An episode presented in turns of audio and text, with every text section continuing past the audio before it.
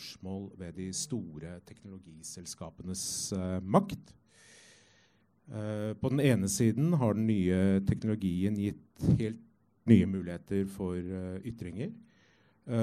og på den andre siden har vi fått en risiko for utvikling av ekkokamre og polarisering. vi har derfor valgt å stille spørsmål om uh, hvilken innflytelse disse selskapene har over den offentlige samtalen. Uh, og hvilke konsekvenser dette kan ha for ytringsfriheten. og til å belyse disse problemstillingene så har vi invitert et ytterst kompetent panel. Vi har Tore Tennø, som er eh, direktør i Teknologirådet. Og det er et råd som faktisk skal fremme debatt om de muligheter og konsekvenser ny teknologi skaper i samfunnet. Intet mindre. Og så har vi vært så heldige å få en representant for et av de store teknologiselskapene som opererer i Norge, nemlig Sondre Ronander. Uh, han er nå kommunikasjonssjef i Google men har tidligere jobbet med både Netflix og Facebook, eller Meta, som jeg nå har lært meg at det heter, uh, her i Norge. Uh, og så har vi Kjersti Løken Stavrum, uh, som er direktør i Tinius-stiftelsen, som da er en del av Schibsted-konsernet. Stavrum er også styreleder i ytringsfrihetsorganisasjonen Norsk Penn. Og hun, er, eh, hun har ledet da Ytringsfrihetskommisjonen, da, som leverte sin rapport i fjor. Og til slutt så har vi Lena Lindgren, som er kommentator i Morgenbladet. Uh, og hun er forfatter av boka 'Ekko', uh, hvor hun da bl.a. utforsker teknologiens uh, innvirkning på samfunnet og hvordan sosiale medier preger oss. Velkommen skal dere være. Takk.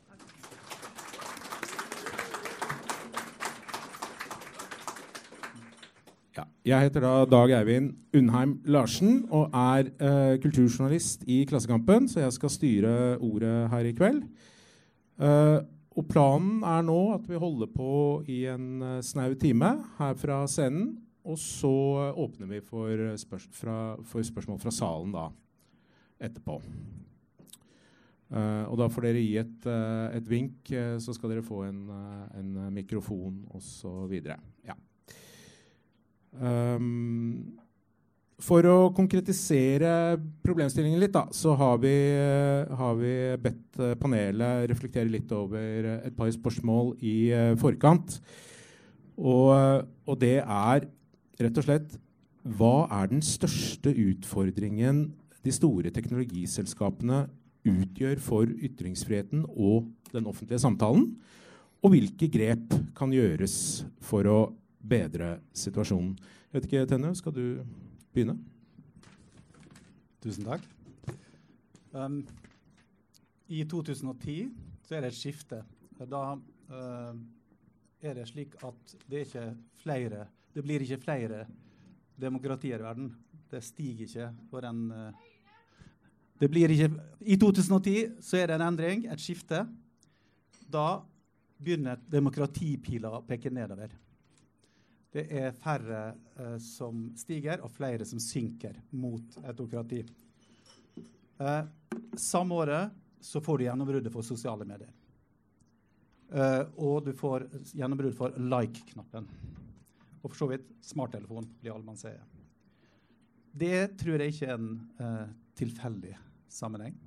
Det spesielt sosiale medier gjør, det skaper polarisering og fragmentering. Og det, eh, polarisering henger sammen med forretningsmodellen at man skal skape engasjement, oppmerksomhet, eyeballs, eh, så lenge som mulig. Og det er algoritmene, altså oppskriftene de bruker, eh, for å servere innhold til oss.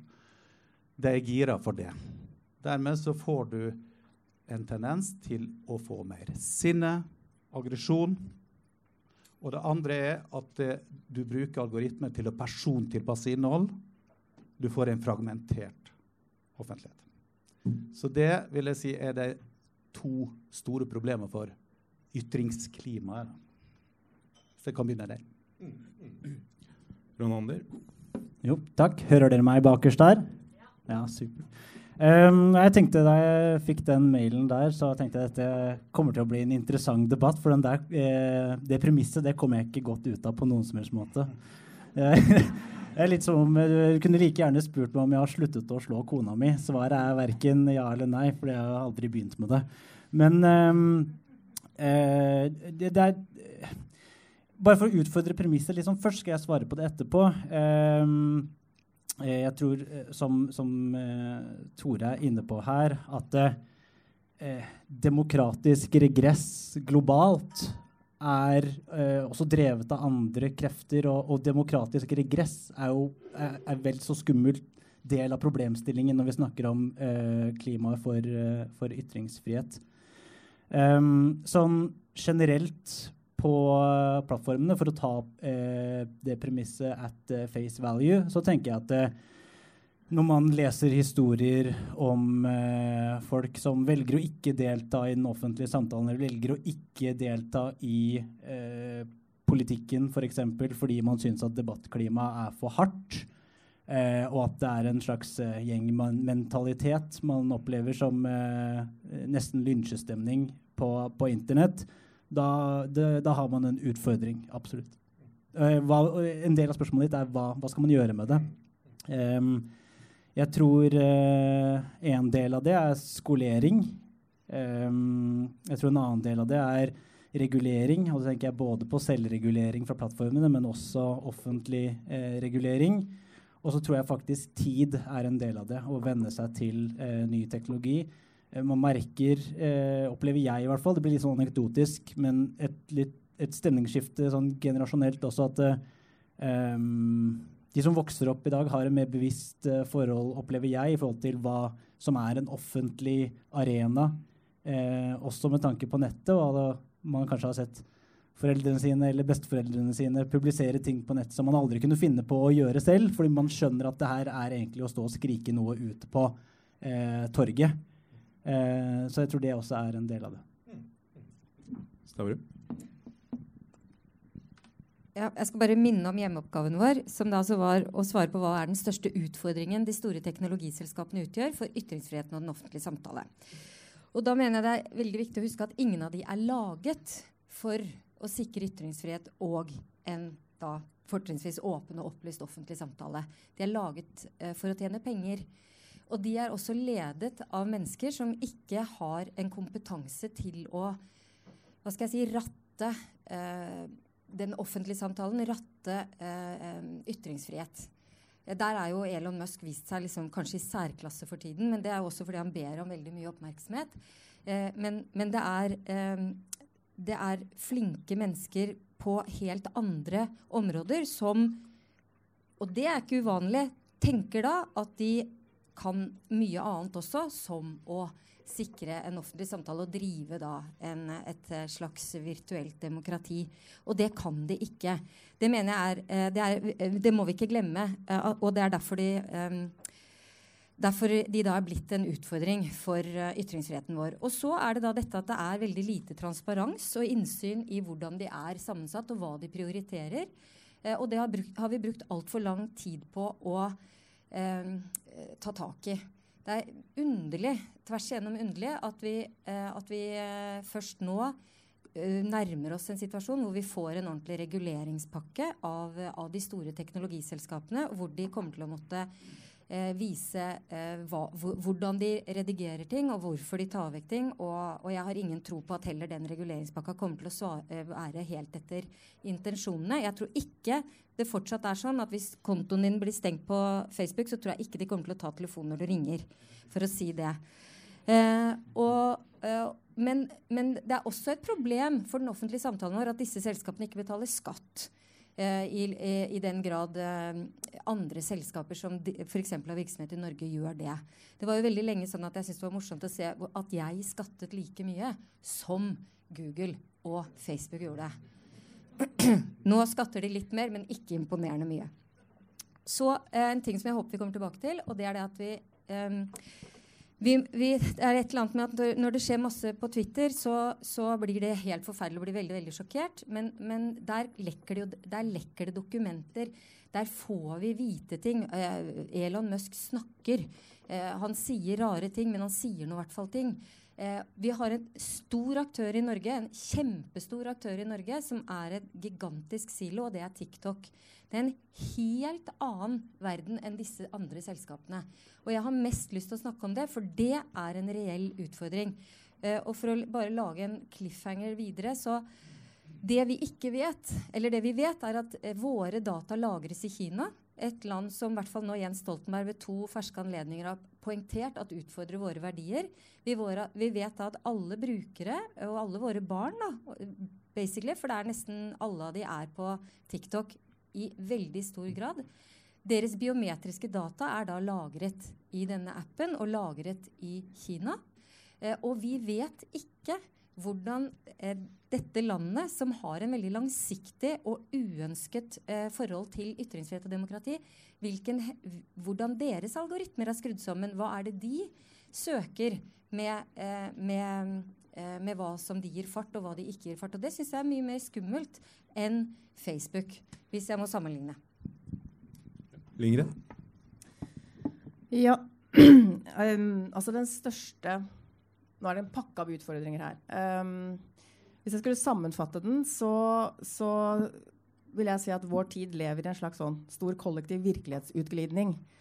Uh, og det er et resultat av altså både de sansemessige, de samfunnspsykologiske og de uh, demokratiske uh, hva skal jeg si, presset da, som digitaliseringen uh, uh, fører med seg. Og altså, hovedkjernen, sånn som jeg ser det, er at det fins en håndfull eh, private teknologi, altså privatkapitalistiske selskaper som har lagt ut he en helt ny infrastruktur for verden. Og det er den infrastrukturen som vi, alle verdensborgerne, ferdes i.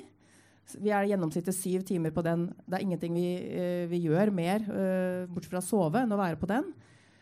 Uh, den har, den har altså den er ikke, Ingen infrastrukturer er nøytrale. Og det er heller ikke denne. Den er dypt kommersielt investert. Den er laget for å sanke persondata. Det gjør den ved å tilby reklame. Sånn at dette er hele den digitale revolusjonen er så å si 100 eh, finansiert av reklame og 100% basert på overvåkning. Det i seg selv er et ekstremt tvilsomt premiss. Og jeg savner på en måte den eh, prinsipielle diskusjonen. da. Hva skal vi bruke kunstig intelligens til? Det er en ekstremt fascinerende teknologi som kan avlese og avlytte oss. Kroppene, eh, øyebevegelser, hjerterytme, hudfarge. Nei, hud, hud, Ja, for så vidt hudfarge hvis den skifter. Men altså, den, den, den, den, melker oss for data. ikke sant? Eh, og persondata er den store valutaen i denne økonomien. Det må vi på en måte ha for oss. Når vi, fordi dette er sivilisasjonsendrende. Vi må skjønne hva slags ny sivilisasjon uh, vi går inn i. Og, og, og, den må også ha en politisk, demokratisk kontroll, da, den nye infrastrukturen som legges. Ja. uh, det som ofte kommer opp når man skal finne altså, løsninger på problemet, det er jo man ofte man nevner ordet regulering. Men, men hvordan altså, Dere har vært litt inne på det, flere av dere. altså det kan jo virke som når det gjelder regulering av disse store uh, selskapene, så, så, foregår på en måte utviklingen her, og så kommer uh, reguleringen her, og pekefingrene kommer langt etter. Altså, er vi i en situasjon hvor vi hele tiden blir løpende etter de store selskapene? Er, finnes det egentlig eh, former for regulering som vil hjelpe på ja, relativt kort sikt? Da? Jeg kan bare starte kjapt. Um, Eh, jeg tror i tilfelle DSA og DMA så er vi 20 år på etterskudd. Takk, gjerne å forklare forkortelsene. jeg beklager. Eh, Digital Service Act og Digital Market Act det er to regulatoriske pakker som er på vei gjennom EU, som Kjersti var så vidt inne på. Ja, De er 20 år for sent ute. det er kjempeviktig at de kommer på plass nå. Eh, litt sånn spesielt også for Én ting er de store teknologiplattformene, men det kommer til å komme masse mer teknologiplattformer. Så det handler om å heve bunnivået. Og så tror jeg ikke det sa DMA er uh, slutten på regulering. Jeg håper i hvert fall ikke det, for at uh, dette er bare starten, i grunn. Og så uh, er, er, jeg positivt innstilt til at EU allerede nå er i gang med regulering av kunstig intelligens. Det kommer til å bli den, det neste store hva skal vi si, The next great barrier, på en måte. Altså the next frontier. Så der må man være tidlig ute, og det er, det er positivt å se at man er på ballen der. Ja. Um, Lindgren? Jeg vil bare synes, jeg synes um, altså det store uh, altså EU, De to EU-direktivene er et skritt i riktig retning. Uh, men jeg tenker at det overhodet ikke er nok. Og det som er da, den, den virkelige uh, gode rapporten og gode nyheten for så vidt, er at vi har fått en personvernrapport som nå ligger til, ute til høring, og som skal, jeg tror høringsfristen er i neste uke. Og den er virkelig radikal da, altså i internasjonal sammenheng den, er, eh, den, den, går inn faktisk for et blankt forbud uh, av hele den forretningsmodellen som vi nettopp har fått beskrevet. Altså som går ut på å, å lage personprofiler, sanke data og selge dataene til uh, annonsører. Uh, og det ville, vært, uh, altså det ville vært enestående i, uh, hvis Norge kunne etablert seg som en slags forkjemper for menneskerettigheter på nettet. Det har vi muligheten til nå. Og så vil jeg også bare si jeg synes det er veldig det er liksom rørende at Google er så reguleringsivrig. Og det er det som Kirsti Løken Savrum i sin rapport, ytringsfrihetsrapport kaller for reguleringsparadokset. Fordi at hvis Google selv er, er med på å, eh, å ivre for regulering, og de store tekstselskapene gjør det, så etablerer man seg samtidig som den eneste eieren. Da. Eller man, man, konsoliderer markedsposisjonen. Så dette er liksom identifisert som en egen ting. Ja, Ronaldo får kvittere ut det før Savrom kommer. Ja, um, det kan man jo spekulere i. Og så kan jeg bare si sånn fra min tue i Google at uh, det er ikke oppfatningen jeg sitter med, at det er sånn vi sitter og spekulerer med å, å bli ratifisert i lov på den måten. Eh, vårt perspektiv er at vi er eh, blant verdens ledende eksperter på mye av den teknologien her, og god regulering må også være godt informert. Eh, så det er sånn vi ser oss selv, og så kan jo eh, du se oss på en annen måte, eller noen andre må eh, se oss på en annen måte, men det er perspektivet vi har på det, i hvert fall. Stavrum? Men basically så ser jo de store selskapene seg tjent med det som skjer. ikke sant? Og det er det en grunn til. Og dette er jo ikke uegennyttige selskaper.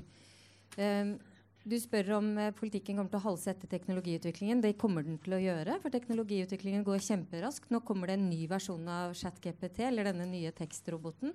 Eh, og ryktene vil ha det til at den vil bare liksom være by far bedre enn den vi har nå. Så her kommer det til å gå kjempefort. Uh, og, uh, og, det gjør det nødvendig å regulere på en, på en, ikke så spesifikk, men veldig generell måte, sånn at man, sånn at man uh, kan ta det er et eller annet med at Hvis du kjører for fort, så kjører du for fort selv om du kjører 80, 90 eller 100 over 60. Altså det er et eller annet med at Vi må, vi må regulere det sånn at vi bevarer våre verdier. Der syns jeg jo danskene har vært veldig gode. De har satt opp eh, hvilke idealer de ønsker at disse selskapene skal jobbe etter, og så, eh, og så eh, tatt det den veien. Norge, og det vil jeg gjerne eh, også minne oss om, som jeg syns er litt sørgelig. Vi er liksom frenetisk opptatt av Twitter, men Norge har vært en storeier av Twitter i mange år. Og det har vi ikke brydd oss noe om. Vi møter, skriver oljefondet på sine eh, hjemmesider, og jeg har alltid veldig glede av å gå over og se hvordan vi har stemt på disse generalforsamlingene, og det er virkelig i hytt og vær. Eh, og, så den, denne også litt sånn rørende engasjementet for hvordan skal det gå med Twitter, det kunne vi ha gjort noe med for lenge siden. Ja. Ron Ander? Nei, jeg beklager. Um, Tenne? Jeg tror uh, det reguleringsparadokset er litt overdrevet. Uh, og nå sier uh, Google at det, det, var for regulering, det var bra. Kjempa med nebb og klør. Viktig lobbyist i Brussel. Er spesielt misfornøyd med Digital Markets Act, som retter seg mot uh, monopolatferd. Og Google har så mange plasser å hente informasjon og koble informasjon. Så, så det er, uh, det er retta mot Google. Så jeg tror det, det trengte ikke de være så redd for. Eh, jeg ser Ytringsfrihetskommisjonen har gjort et stort nummer ut av det. forstår ikke helt det. At man skal være redd for å regulere fordi det store kan tjene på det. Det er hvis du får store kostnader ved å følge det opp. Det er det som er problemet.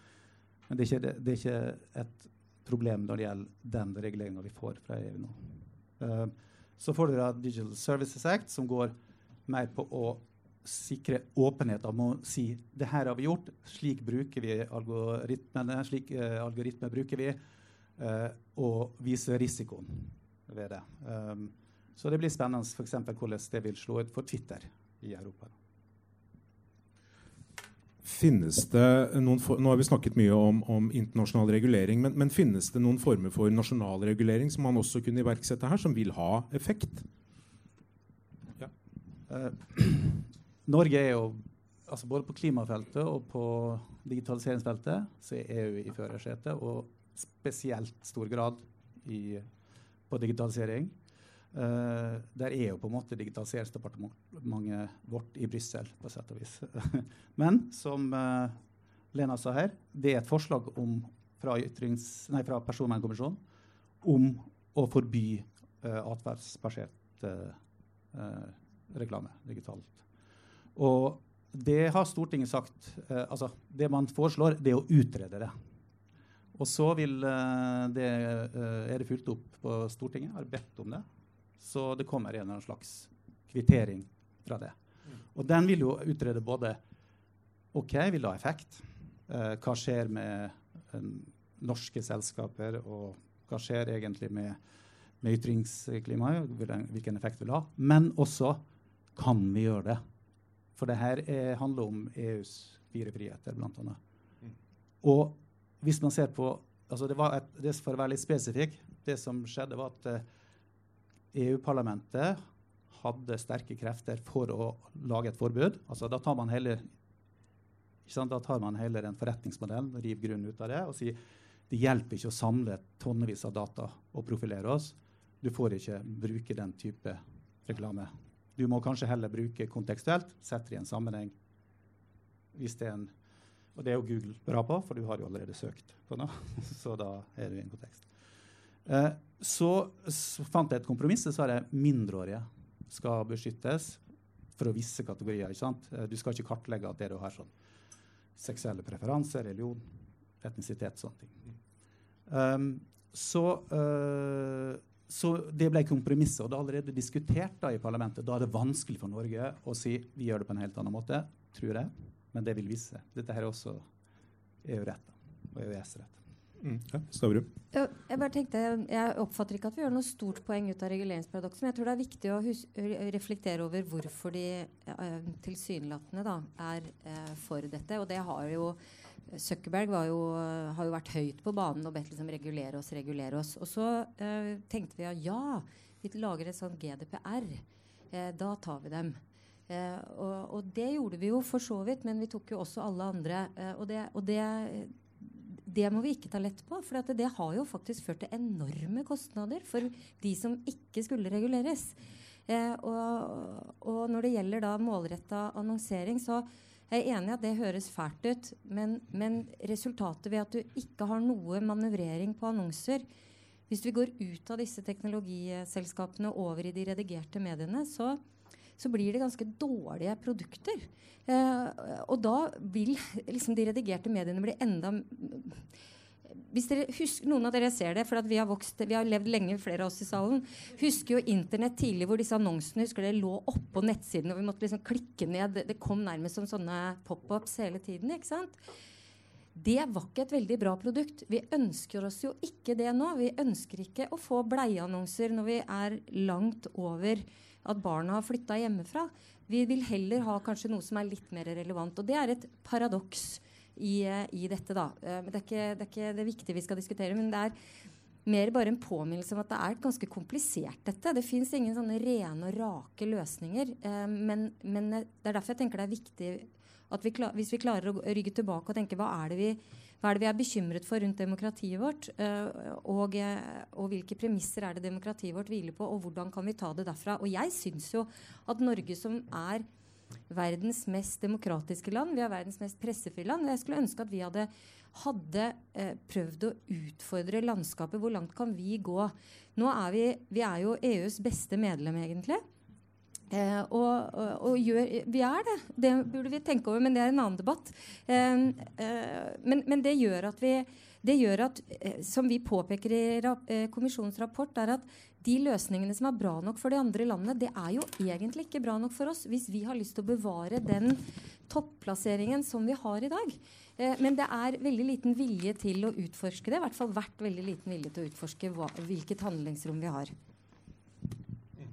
Ja, ja um, kanskje det viktigste som skjedde i, i fjor, det var at uh, det var Apple som gjorde.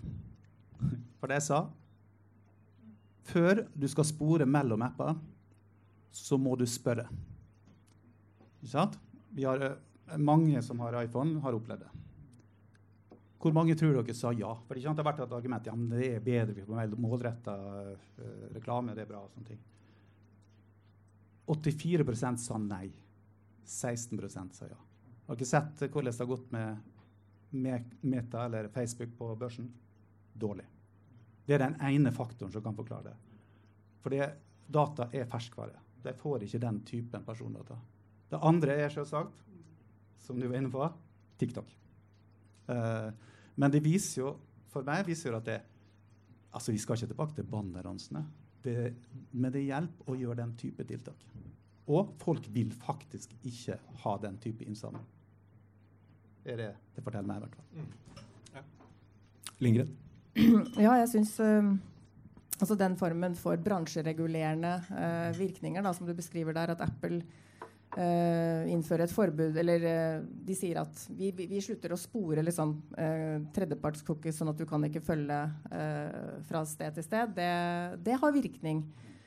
Men igjen, da, altså sånn dette, at vi, vi, må på en måte hele tiden tenker jeg, se på hva slags type teknologi det er. Det er kunstig intelligens. Nett er bare en stor kunstig intelligens. Og, og disse, dette er bare én variant av den forretningsmodellen sånn som den arter seg nå, hvor vi ser annonser eh, basert på personer. Den er ganske plump også, den algoritmen. ikke sant? For hvis du bestiller liksom Uh, altså ja, det, du får Viagra hvis du er mann og 60, og du, har du bestilt et hotell i Wien, så får du med en gang uh, uh, annonse for ny, nytt hotell i Wien. Er liksom, den er ganske banal, og det er lett å tenke at den der, derfor ikke så, virker så sterkt. Men det jeg, det jeg syns er liksom den, den, viktige diskusjonen, det er at ja, så kan man si at man kan få Man får på en måte man binder denne forretningsmodellen på, ned på ulike måter. F.eks. at Apple eh, stikker uh, kjepper i hjulene, eller at vi får noen plass noen mindre reguleringer. Men, like, men da, det, da kan man bare altså Kunstig intelligens er sånn at man kan uh, utvikle nye produkter av kunstig intelligens basert på alt det den har lært. Sånn som uh, GTP, chatboten som, uh, som Løken Stavrum nevnte nå. Den lærer jo kontinuerlig fordi at vi stiller den spørsmål. Og den, det, er jo, det er jo vi som mater den, det er jo ikke den som mater oss med informasjon. Vi, og, og, og, nå er det sånn at der sosiale medier kan godt hende Jeg så i Aften, aften i A-magasinet nå at at det var spådd at sosiale medier er ut. Det går ut i 2023. Men det som kommer, og som både, ikke bare Meta selv, men også Google og Amazon og de store, alle de store selskapene, det er all in på, på virtual reality, altså VR-briller. Jeg har forsøkt, jeg har prøvd det med metaverset nå. Og jeg skal innrømme at i begynnelsen så bare tenkte jeg at dette, dette, løser liksom ingenting. Det er ingen som er interessert i å henge inn på metaverset og møte folka sine rundt møtebordet der.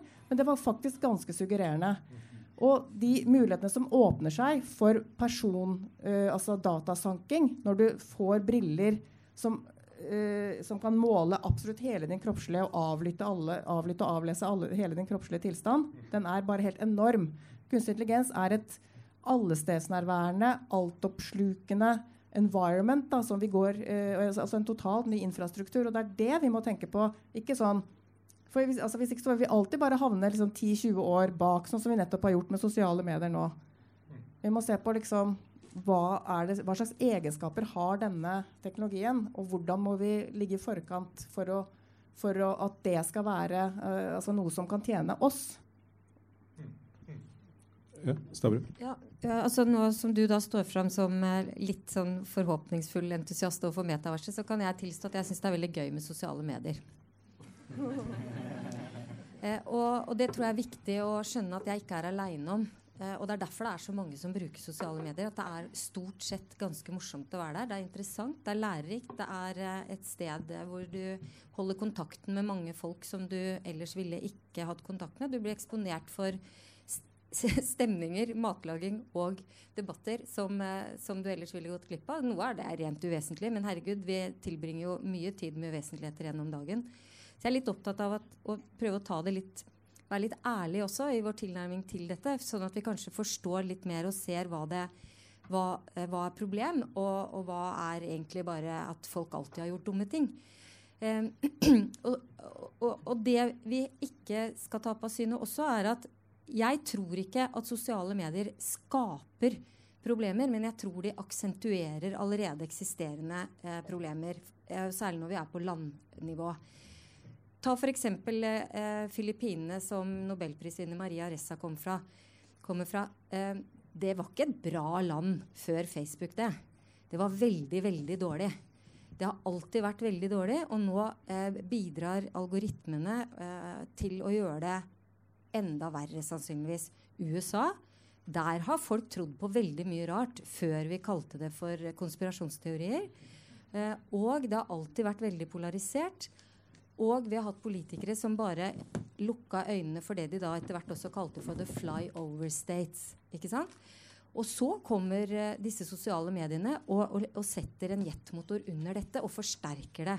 Så jeg en av mine bekymringer, da, siden dette er et sånn bekymringsforum, eh, er, jo at, eh, er jo at vi driver og diskuterer ting som er mer et, eh, et front end på, eh, på, problemet, mens ingen da tar tak i Og gjorde det ikke før heller. Korrupsjonen på Filippinene, polariseringen i USA eh, Trump er jo en algoritme i seg sjøl, på en måte.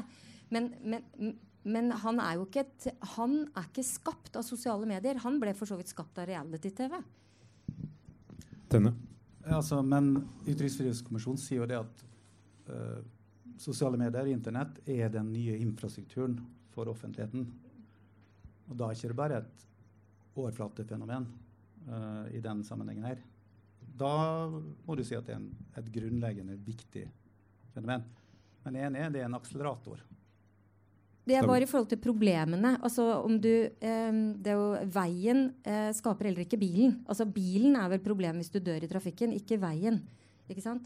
Eh, og det, det, det, var det som var bildet mitt. At, eh, at, ikke, at problem, veldig mange av de problemene vi diskuterer som sosiale medieproblemer, var problemer før. Eh, og, og, løses ikke i sosiale medier, tror jeg, men ved å gjøre andre ting. Ved å f.eks. ta tak i fattigdommen i USA eh, og, og, ta tak i korrupsjonen i, eh, på Filippinene. Enig, men altså Det var 97% som brukte Facebook. Eh, du talte, han kapitaliserte på det, brukte det veldig uh, aktivt. Og det er klart det gjorde noe med den, med både den politiske og den jevne offentlighet. Det forma det. Så du kan ikke si at det, det er et, et randfenomen i den sammenhengen. Her diskuterer vi jo nettopp offentlighet og ytringsfrihet. Da må vi sette det sentralt. Ja, tusen takk. Nei, jeg bare vil presisere at jeg sier jo ikke at det er marginalt. Men, men, eh, vi bare diskuterer hvor ting hører hjemme, egentlig. Enn, ja. Men, men har, vi, har, vi, en tendens til å svartmale situasjonen for mye? Altså, Bl.a. når man tenker på, på kritikken av det som uh, dukker opp i kommentarfeltene osv. At uh, det er mye stygg språkbruk, folk orker ikke å delta. Det, det er med på å, å, å gjøre uh, altså skade den offentlige samtalen. Men, men, har ikke på en måte altså, tendensene, eller viljen til å slenge med leppa, har vel så å si alltid vært en del av vår eh, felles uh, skriftkultur langt flere hundre år tilbake, med, med pamfletter, med, med obskuniteter og, og sjikane. Så spørsmålet er er det, skylder vi for mye på teknologien her? altså smart, Smartmaner vi for mye? Ronander, hva, hva, tenker du om det? Eh, det, er veldig, det, det, er et godt spørsmål. Jeg er litt sånn eh, litt mer enn litt interessert i historie. Og jeg har tenkt litt på det sånn inn mot uh, den, uh, det panelet her. At uh, altså, i essensen er det noe nytt. Og så er det jo det. Altså, du kan på en måte ikke sammenligne sosiale medier og internett med trykkpressen, men på en annen måte så er det jo eh, litt det også. Um, det var, jeg faktisk, satt faktisk og leste boken din, uh, Lena. Da, da, som jeg kom inn på det tankesporet der, at uh, hva har egentlig endret seg siden uh, den borgerlige offentligheten etc., etc. Um, ja, noe er annerledes. Jeg, jeg, tror også, som du sier, um, Kjersti, at algoritmene kan ha en tendens til å forsterke polariseringer som allerede finnes. Og litt som du var litt inne på innledningsvis også, men altså, Vi bruker dette begrepet sosiale medier, og det er veldig nyttig som en shorthand. Men det er også veldig forskjellige plattformer, og de fungerer på forskjellige måter. Og jeg tror eh, Litt som det du er inne på i boken din med sånn McLuhansk eh, teori om at vi eh, lar oss påvirke av mediene, og at de gjør noe mer med oss som mennesker, da, så tror jeg eh, Jeg tror TikTok er annerledes fra Facebook, som er annerledes fra YouTube, som igjen er annerledes fra TV. da. Ja. Ingrid? ja, jeg også syns uh, altså den, den, diskusjonen her om, om uh, der er det vi eller algoritmene som er problemet, uh, den er litt sånn er, Dette er samspillet mellom oss og algoritmene som skaper det. Og jeg tror at ytringsfrihet, da, altså ytringer har alltid skapt masse kvalm. Eh, folk har alltid vært eh, liksom drittsekker og konspirasjonsteorier. Alltid, de er jo kjempegamle. Altså alt, nesten alt som er i QNs eh, univers, er jo eh, som hentet ut av liksom 2000 år gamle fortellinger. Eh, sånn at eh, Det er jo det som nesten er fascinerende, at, vi har, at det er så altså at, at, det gjentar seg. da. Men jeg, jeg tenker at, at noe som for meg da, har vært litt sånn klargjørende, uh, det har vært å skille altså Når man skal kritisere selskapene for noe, så syns jeg faktisk det er litt urimelig å kritisere dem for uh, på en måte altså, for ytrings, ytringsfrihetsargumentet. For de er jo alle sammen uh, utrolig ytringsfrihetsoptimister. For mye, vil jo vi som sitter her, sikkert mene. til og med kanskje deg. men, men Uh, jeg tenker at, at, det må de få tro, og, og ytringsfrihet er en, er en uh, altså, Sosiale medier fører til mer ytringsfrihet. Mange, I mange situasjoner er det positivt. Se på kvinnene i Iran nå, f.eks. De, de tar oppgjør med uh, iranske pressestyret gjennom sosiale medier. Det er masse positivt som skjer gjennom ytringsfriheten på de plattformene. Men hvis man skal kritisere Uh, selskapene, så er det for en annen frihet, sånn som jeg eller overgrep mot en annen frihet, da, og det er en søsterparagraf, nemlig tankefrihet, som er menneskerettighetserklæringen 18, nummer, artikkel nummer 18, tror jeg. Og det er, det er jo det som er sels, uh, tekstselskapenes på en måte, Det er denne grensen de går opp. altså Retten til å ikke bli overvåket og, og manipulert for hva man interesserer seg for. Hva man søker på på nettet hva man tenker på. Altså, hva tenker du på, er det første spør eh, Facebook spør om. Det er denne rettigheten som er under press. Ytringsfriheten er det mye av. Og mye av de problemene som, som skapes på nettet, er vi faktisk også eh, ansvarlig for selv. Men det er vi ikke med den tankefrihetsovervåkningen. Mm. Ronander?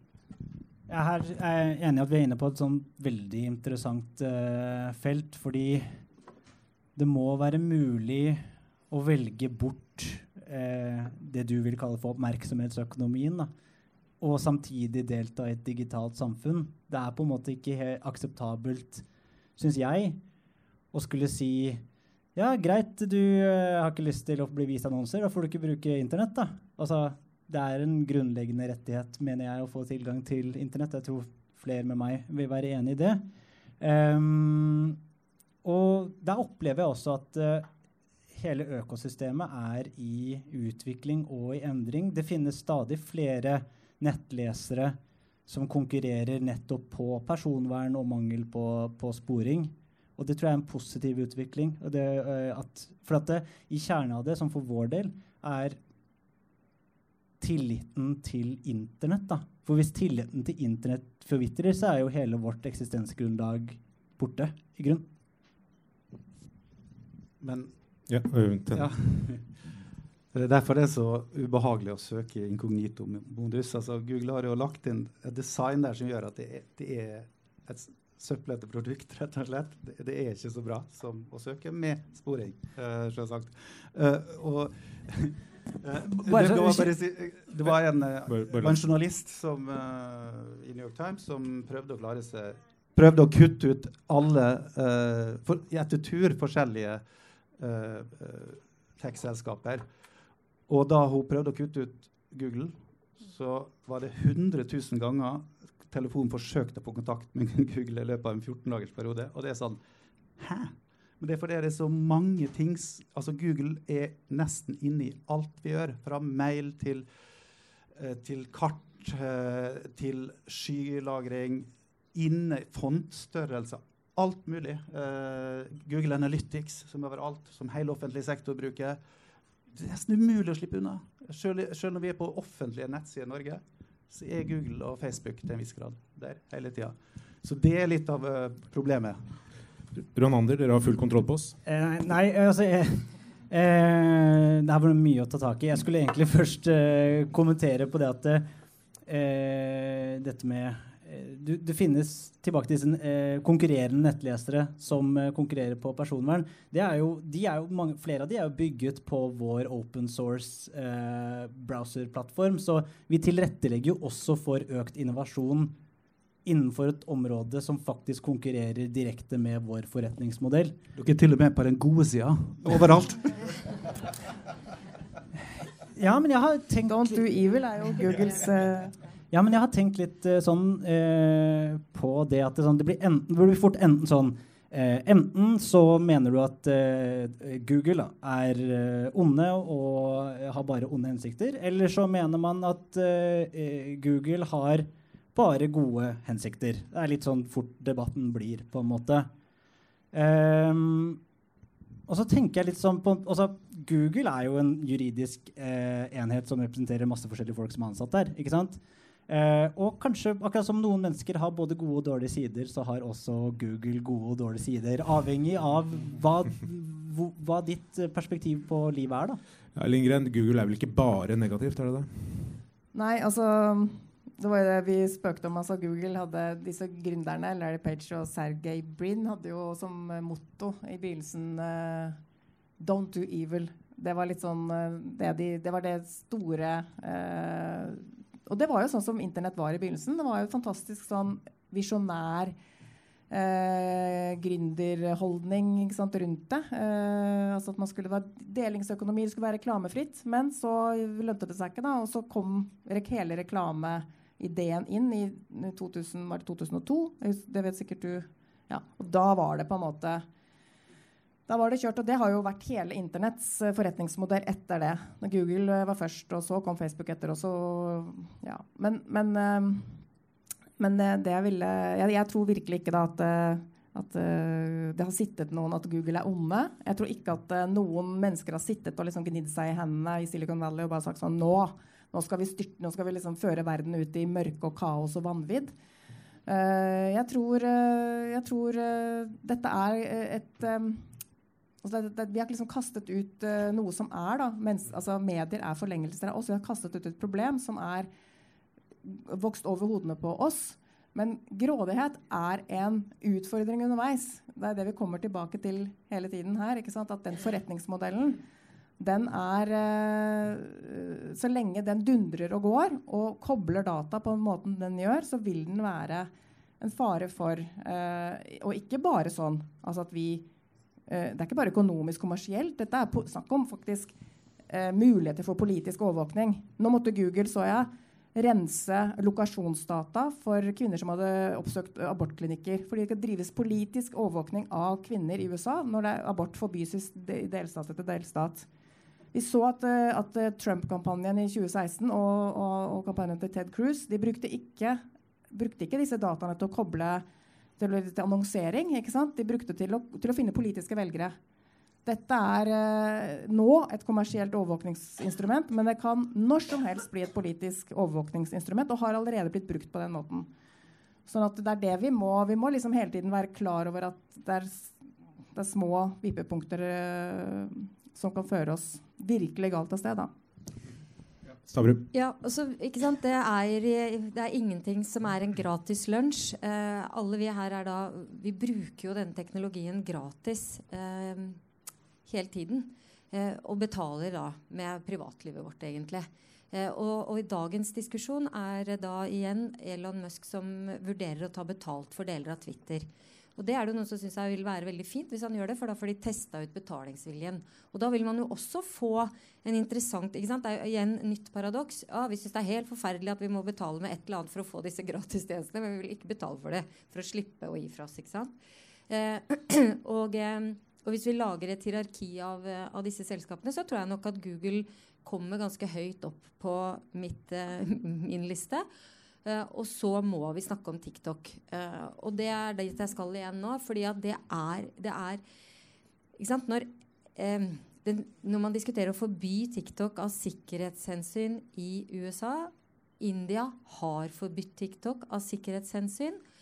I Sverige får ikke eh, departementsansatte lov å laste ned TikTok. Eh, og i Norge har vi en justisminister som er aktiv på TikTok og det eh, vi, Jeg var på et seminar hvor det faktisk var Og igjen, jeg synes bare det er helt forferdelig. hvor det faktisk var en talsperson for TikTok til stede. Akkurat som du nå takker for at Google er til stede. Det kjenner jeg jeg sliter veldig med å takke for. Eh, men det er greit at du er her.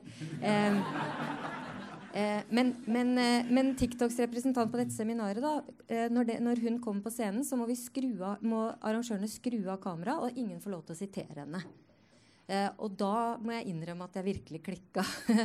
så nå skal vi ha et møte med Datatilsynet for å få en redegjørelse av TikToks virksomhet i Norge. Eh, vi, eh, dessverre tror jeg ikke Datatilsynet kan gjøre særlig mye. Men jeg så at Nasjonal sikkerhetsmyndighet var ute nå i en artikkel i Faktisk og sa at problemet er ikke at det lages mobilkomponenter i Kina. Eh, problemet er appene. Eh, og da antar jeg at det er TikTok de mener, så jeg antar at denne debatten kommer hit også. Eh, og TikTok er da et helt lukka rør. Det er ingen lenker ut. Det er ingenting som kommer inn der som ikke er lasta opp på denne plattformen. Og det er blitt en søkemotor. Så TikTok er jo en konkurrent til Google. Denne. Ja, så Hvis vi deler i to, da. Det ene kan være som personvernutfordringer med at ja, det er mange ansikt, bevegelser. Uh, det er masse innsamling av data uh, gjennom TikTok. Men det andre er jo at det er blitt en viktig nyhetsformidler. Uh, og en viktig kilde til informasjon sant, for offentligheten. og da er det den ugjennomsiktigheten. Altså, og kan akkurat den type Det er jo persontilpasninger. Kunstig intelligens i høy grad. De bruker ikke basert på nettverket ditt, de begynner på scratch veldig gode, faktisk. Uh, og kan den type altså offentlighet påvirkes subtilt eller mindre subtilt? Og alle får hver sin strøm ikke sant? På, på den måten her. Kan vi oppdage det? Det er der diskusjonen kanskje er aller mest interessant, tenker jeg da. Uh, og så må vi også snakke litt om uh, uh, GPT, eller chat, GPT, GPT3 og 4. Altså. Den, si, det her er vendepunktet vi ser i kunstig intelligens nå. De bruker noe som heter foundation models. Og det er kun det aller største selskapet som kan klare å, som bygger det, som er stor nok. Altså Stanford-universitetet har ikke nok kapasitet. Men Google har det. OpenAI, som er sånn type Musk, Microsoft. Eh, kanskje en kinesisk eh, modell. Eh, enorme mengder data, men er, er, som en slags autocomplete, hvis dere bruker det og til når dere skriver. ikke sant? Den bare, Du begynner med noe, og så ser den et mønster, og så får du noe som ikke er et plagiat. Det, du, du, kan ikke bli tatt i å fjuske når du bruker det. Og veldig bra på mange måter. altså. Veldig interessant. Uh, og hva gjør det med offentligheten? Det, og hva gjør det med Google? For jeg liker jo godt Google som produktsøketjenesten. Har brukt det masse. Men her så får du jo du får ett svar. Og det fremstår som en slags sannhet, men det er jo en slags uh, en mimetisk sannhet. Den er satt sammen på det den gjetter seg til. Jeg tror den blir bedre og bedre. Uh, antakeligvis kommer Google med sin modell, som er veldig bra. Uh, men uh, vil det bli mindre mangfold? og kan, altså kan vi i det hele tatt skille mennesker fra maskinprodusert, menneskeprodusert maskinprodusert materiale? Spiller det noen rolle? Og hva skjer med desinformasjon? Eller uh, det blir kjempelett å lage veldig god desinformasjon uh, og persontilpassere. Uh, men herregud, så bra det kan funke i en del sammenhenger. Og opplysende på mange måter. Så det blir spennende her, for å si det på den måten. Så lurer jeg på hva Google tenker. Ronander? Du, du berører jo veldig mange av de ekstremt vanskelige trade-offene man må gjøre når man jobber med AI og, og kunstig intelligens. Eh, vi har en lignende språkmodell som heter Lambda, eh, sånn for intern og semi-ekstern bruk. Eh, den er ikke offentlig, og det er en grunn til det. Det er fordi vi eh, eh, ikke har lyst til å publisere noe før man har gjort en ordentlig god vurdering av de potensielle omfanget og nedsider eh, ved slik teknologi. Eh, det finnes andre eh, former for eh, kunstig intelligente modeller som vi har utviklet, som jeg har blitt, blitt rapportert i Morgenbladet bl.a., som vi heller ikke publiserer fordi vi frykter hva det kan brukes til hvis det brukes med onde hensikter. Um, hva kommer til å skje med Google? Um, man kan se for seg en, et søkefelt hvor du kan eh, legge inn flere forbehold og skrive mer konversasjonelt, også som om du skulle spørre en ekspert på ditt fagfelt, f.eks. Um, jeg besteg Galdhøpiggen i fjor høst, mens uh, neste år skal jeg bestige Mount Everest. Men det er på våren. Hvordan må jeg planlegge annerledes? Det er en veldig, det, hvis du er uh, Erling Kagge, så er det kanskje enkelt å svare på den uh, og kalkulere på en måte svaret der. Men for en maskin så er det veldig veldig vanskelig. så det er kanskje det man ser for seg av praktiske applikasjoner for å involvere dette eller implementere det i søk. Men eh, det har mange eh, etiske eh, avveininger som man er nødt til å ta på veien. Jeg har bare lyst, eh, før vi eh, setter strek og åpner for spørsmål fra salen, til å, til å spørre dere om fordi vi, vi, snakker jo mye om, om uh, altså det negative de store uh, nettselskapene fører med seg, bl.a. dette med innsamling av data, overvåkning osv.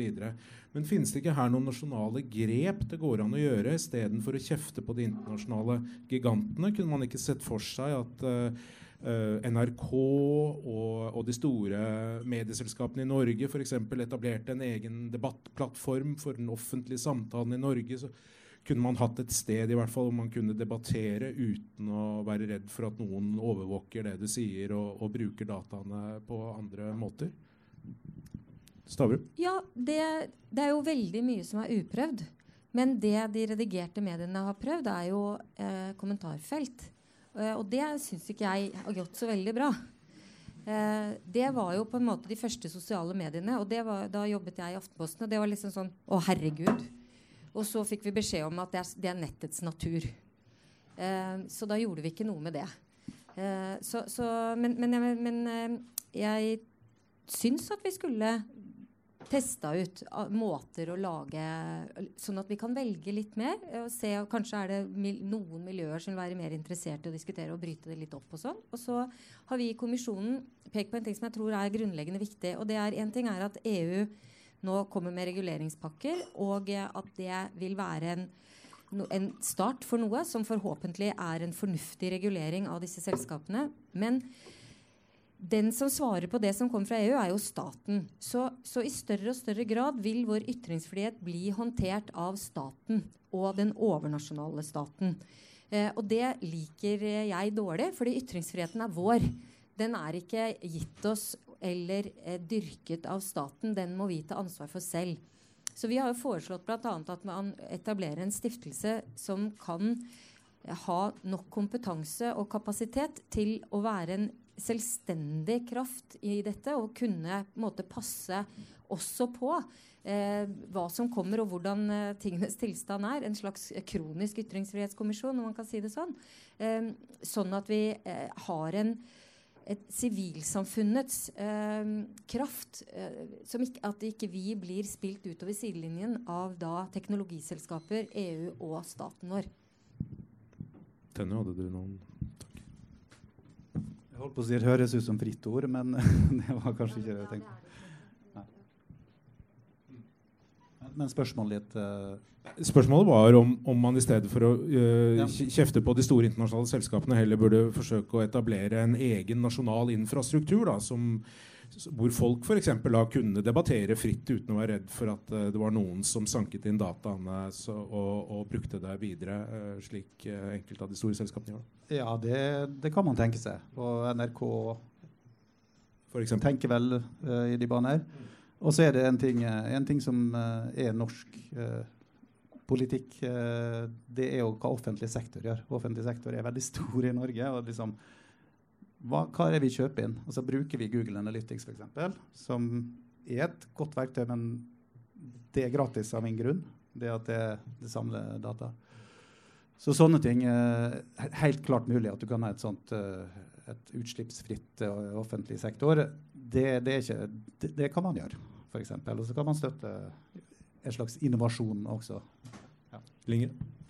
Altså I den personvernrapporten som vi har snakket om, så går det jo frem at det at norsk skole har brukt øh, ja, fall, jeg tror det er Google, men også et par av de andre selskapene. Det har gått på bekostning av barns øh, personvern. Barns persondata er sanket og på rett og slett en, en høyst tvilsom, kanskje til og med ulovlig måte. Og det er de som fastslår det. Det er ikke, sånne, det er ikke aktivister. Dette er en kommisjon som består av bare er eksperter. Sånn at det jeg føler er svaret på det du spør om, da, det er sånn i stedet for å flikke og prøve å komme med mottiltak og sånn, så må vi nå bare lytte på de som har jobbet med dette i veldig, veldig mange år. Uh, de mener at situasjonen er så kritisk at vi må forby den forretningsmodellen. Altså Den typen faglige uh, funderte La oss bare uh, slutte opp om det å få Stortinget og regjeringen til å følge etter. Fint. Da tror jeg vi lar det være siste ord.